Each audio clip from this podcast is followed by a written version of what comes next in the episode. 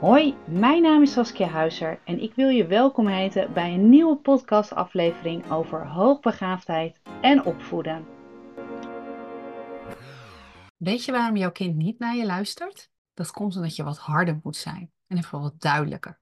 Je kind moet immers weten dat jij de baas bent en niet uiteindelijk je kind zelf. Welkom bij een nieuwe podcast. En misschien heb je deze zin wel eens gehoord ook van um, misschien familielid een vriend of een vriendin in je omgeving of nou, iemand anders die dichtbij je staat en die eigenlijk aangeeft dat je het niet zo goed doet als ouder in je opvoeding.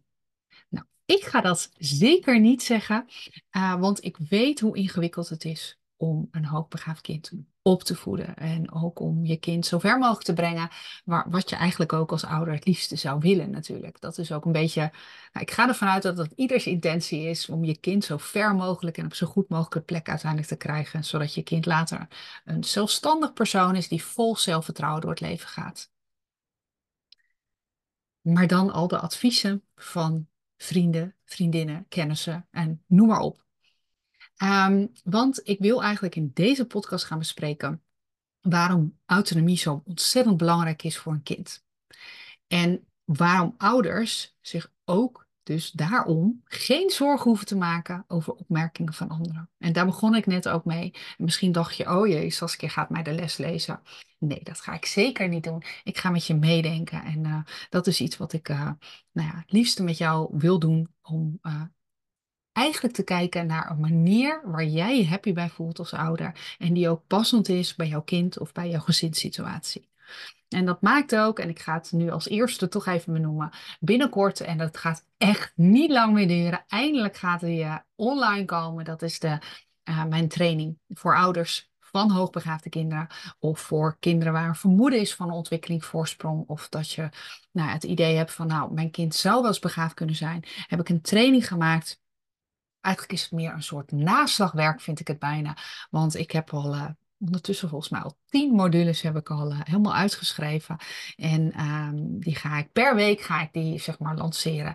En die gaan over allemaal onderwerpen van die je kan toepassen van peuter tot puber. Uh, over nou jouw kind, uh, wat je misschien kan doen in het geval van communicatie, wat je kan doen aan dit soort opmerkingen bijvoorbeeld van familieleden, maar ook wat je kan doen zelf om je kind te helpen als je kind er even doorheen zit, als hij of zij de lat heel vaak hoog legt. Uh, nou, mocht je voor deze training uh, interesse hebben, ik wil je laten weten dat voor, als je voor 15 februari je inschrijft daarvoor, dan krijg je een mooie verrassing en daarnaast ook een hele mooie korting. Ah, maar schrijf je eerst even op de wachtlijst, want dan uh, kan ik jou die mail in ieder geval vanaf 1 februari sturen, want dan komt die uh, online.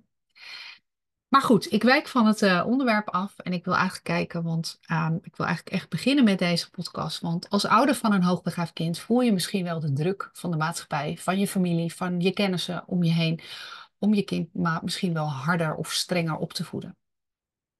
in de veronderstelling ergens ook dat jouw kind dan gaat gehoorzamen, dat je kind dan gaat luisteren. Maar is dat de echte, juiste aanpak voor jouw zoon of dochter? Nou, vandaag in deze podcast ga ik benoemen, of eigenlijk wil ik hopen dat je gaat ontdekken, waarom dit niet de beste strategie is voor hoogbegaafde kinderen. Want allereerst wil ik je laten begrijpen wat hoogbegaafdheid nou eigenlijk betekent. En dat weet je misschien wel als je al heel veel podcasts hebt geluisterd van mij. Maar ik ga toch even dit benoemen, want ik denk dat er dan heel veel duidelijk wordt. Want hoogbegaafde kinderen hebben vaak een hele buitengewoon sterke intellectuele en creatief vermogen. de meeste kinderen denken anders, stellen vragen, uh, hebben ook een enorme nou, nieuwsgierigheid, maar hebben ook dus speciale behoeften. En één van die behoeften is autonomie. En waarom is juist autonomie zo ontzettend belangrijk voor deze kinderen?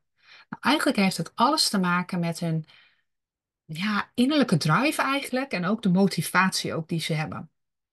Want juist slimme kinderen, of kinderen met een vermoeden dus van een ontwikkeling voorsprong, die floreren wanneer ze worden aangemoedigd om zelf te ontdekken en zelfstandig ook te gaan leren. Die willen dat ook het allerliefste. En tuurlijk hebben ze ook soms hulp nodig, maar intrinsiek is vaak die, nou ja, ik wil het zelf doen, zeg maar. Um, wanneer ouders te streng zijn, en constant op een kinder letten. Nee, doe dat niet. Nee, je moet het netjes doen. Wil je het wel opruimen? Wil je dit doen? Wil je dat doen? Wil je zus doen? Dan kan dit uiteindelijk tegenzitten bij je kind en de motivatie ook eigenlijk weggaan, uh, leiden tot frustratie en weerstand. En op het moment dat je er tegenin gaat en dat je dus eigenlijk gaat zeggen, ik wil dat je nu gaat luisteren, kan het soms alleen nog maar erger worden. En in de meeste gevallen is dat ook zo. Ik spreek wekelijks verschillende ouders die dit ervaren. Maar wat kun je dan wel doen om die autonomie zeg maar, te bevorderen bij jouw kind? En daarvoor ga ik je enkele tips geven. Nou, de eerste tip en die is voor sommige ouders best moeilijk, misschien voor jou ook wel, maar geef ruimte ook voor die onafhankelijkheid. Laat je kind ook zelfstandig proberen problemen ook op te lossen en ook beslissingen te nemen. Zelfs als je denkt, oh oh, dit gaat fout, volgens mij gaat mijn kind een fout maken. Juist deze fouten maken, want het gebeurt niet vaak dat kinderen fouten maken, bijvoorbeeld in cognitieve leerstof, bijvoorbeeld op de basisschool, omdat vaak het nou ja, het kan zijn dat de lesstof te makkelijk is. Maar als er dan wel fouten gemaakt worden, die zijn dan echt heel vervelend. En die worden ook als heel vervelend ervaren door de meeste kinderen. Maar het helpt hem wel om vertrouwen in zichzelf te ontwikkelen. Moedig die nieuwsgierigheid ook aan.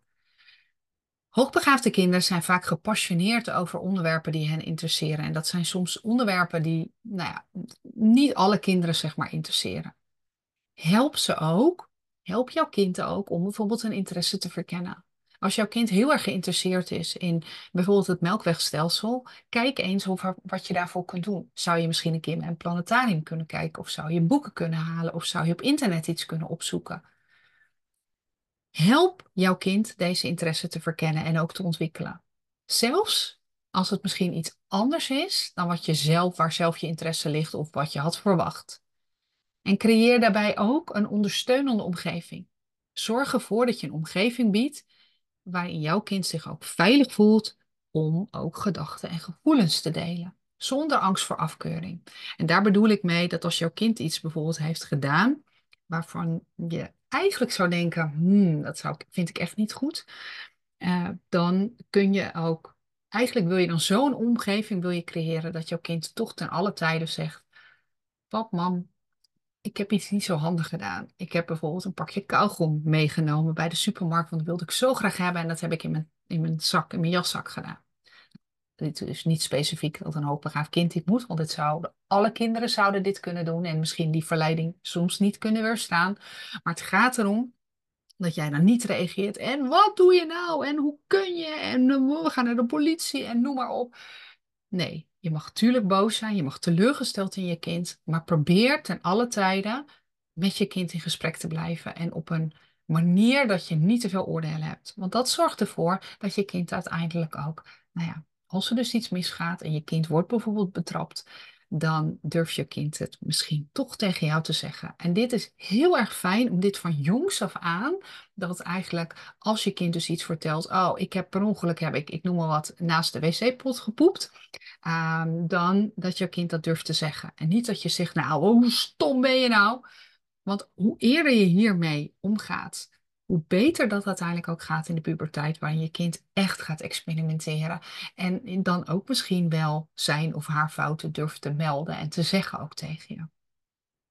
Het is ook heel belangrijk om te onthouden dat um, ja, het opvoeden van hoogbegaafde kinderen niet draait om alleen maar controle en gehoorzaamheid. Maar juist om ook, en dat geldt eigenlijk voor ieder kind, vind ik, dat je je kind ondersteunt om kwaliteiten en talenten uiteindelijk ook nou ja, te ontwikkelen. En hier speelt autonomie een hele belangrijke rol bij. Want jouw kind heeft dit nodig ook om voor zichzelf ook stappen te nemen en te durven nemen. En verder is er nog iets belangrijks. Want jij hoeft je als ouder ook niet raar of onzeker te voelen. Vanwege opmerkingen van anderen. Um, een hoogbegaafd kind opvoeden is echt anders dan een kind die misschien gemiddelde intelligentie heeft. En daarbij uh, wil ik ook zeggen dat een kind die bijvoorbeeld een lage intelligentie heeft, is ook echt heel anders. En ieder kind is eigenlijk ergens ook wel anders. Maar de meeste opvoedingsboeken die je nou ja, kunt kopen of die je in de bibliotheek vindt, die gaan over gemiddelde intelligente kinderen. En hoogbegaafde kinderen hebben toch echt andere eigenschappen. Zij ehm, willen heel graag discussiëren. Ze willen juist graag met jou de confrontatie aangaan, omdat ze verbaal sterk zijn. Dat heb ik ook benoemd in mijn vorige podcast, in podcast 124. Dus weet dat jij het niet fout doet. Weet dat jouw kind anders is dan een kind van jouw vriend of vriendin die misschien een opmerking plaatst. Dus ja, die kritiek of dat onbegrip wat je misschien ervaart, ja, laat dat er ook gewoon zijn. Het is anders. Ik wil niet zeggen dat het moeilijker is, maar het is wel anders. En onthoud ook ten alle tijden dat jij als ouder het beste weet wat het beste is voor jouw zoon of dochter. Vertrouw ook ergens op je eigen instinct of je intuïtie en ook jouw kennis. Er is niemand die uh, jouw kind beter kent dan jij als ouder. Dus het opvoeden, het streng opvoeden, het luisteren, dat een kind moet luisteren naar, naar jou. Want dat ging vroeger ook zo. Misschien hoor je dat wel van je ouders ook, dat ze dat aangeven, of van je vader of moeder. Van nou, wij deden vroeger gewoon dat je even moest luisteren. Niet helemaal meer de manier hoe er tegenwoordig opgevoed wordt, maar het kan een opvoedingsstijl zijn die bij jou passend is. Helemaal prima, ook als je dat nu luistert en zegt, nou Saskia, ik ben het er niet mee eens.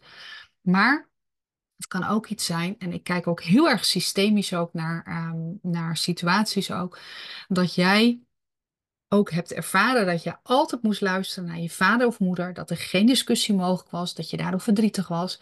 En dat je misschien af en toe daardoor ook wel eens merkt dat je vaak, nou ja, anderen wil pleasen.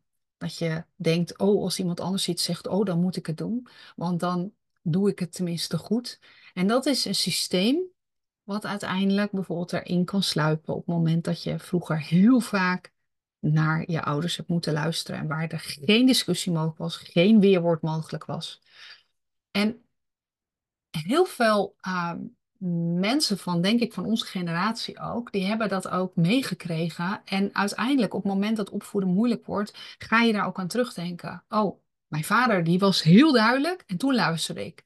Ik denk dat ik dat ook maar ga, zelf ga uitvoeren.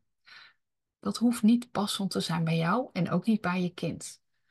Andere mensen ervaren dit ook misschien, hebben deze ervaring ook uit hun eigen jeugd en denken jou daarmee te helpen.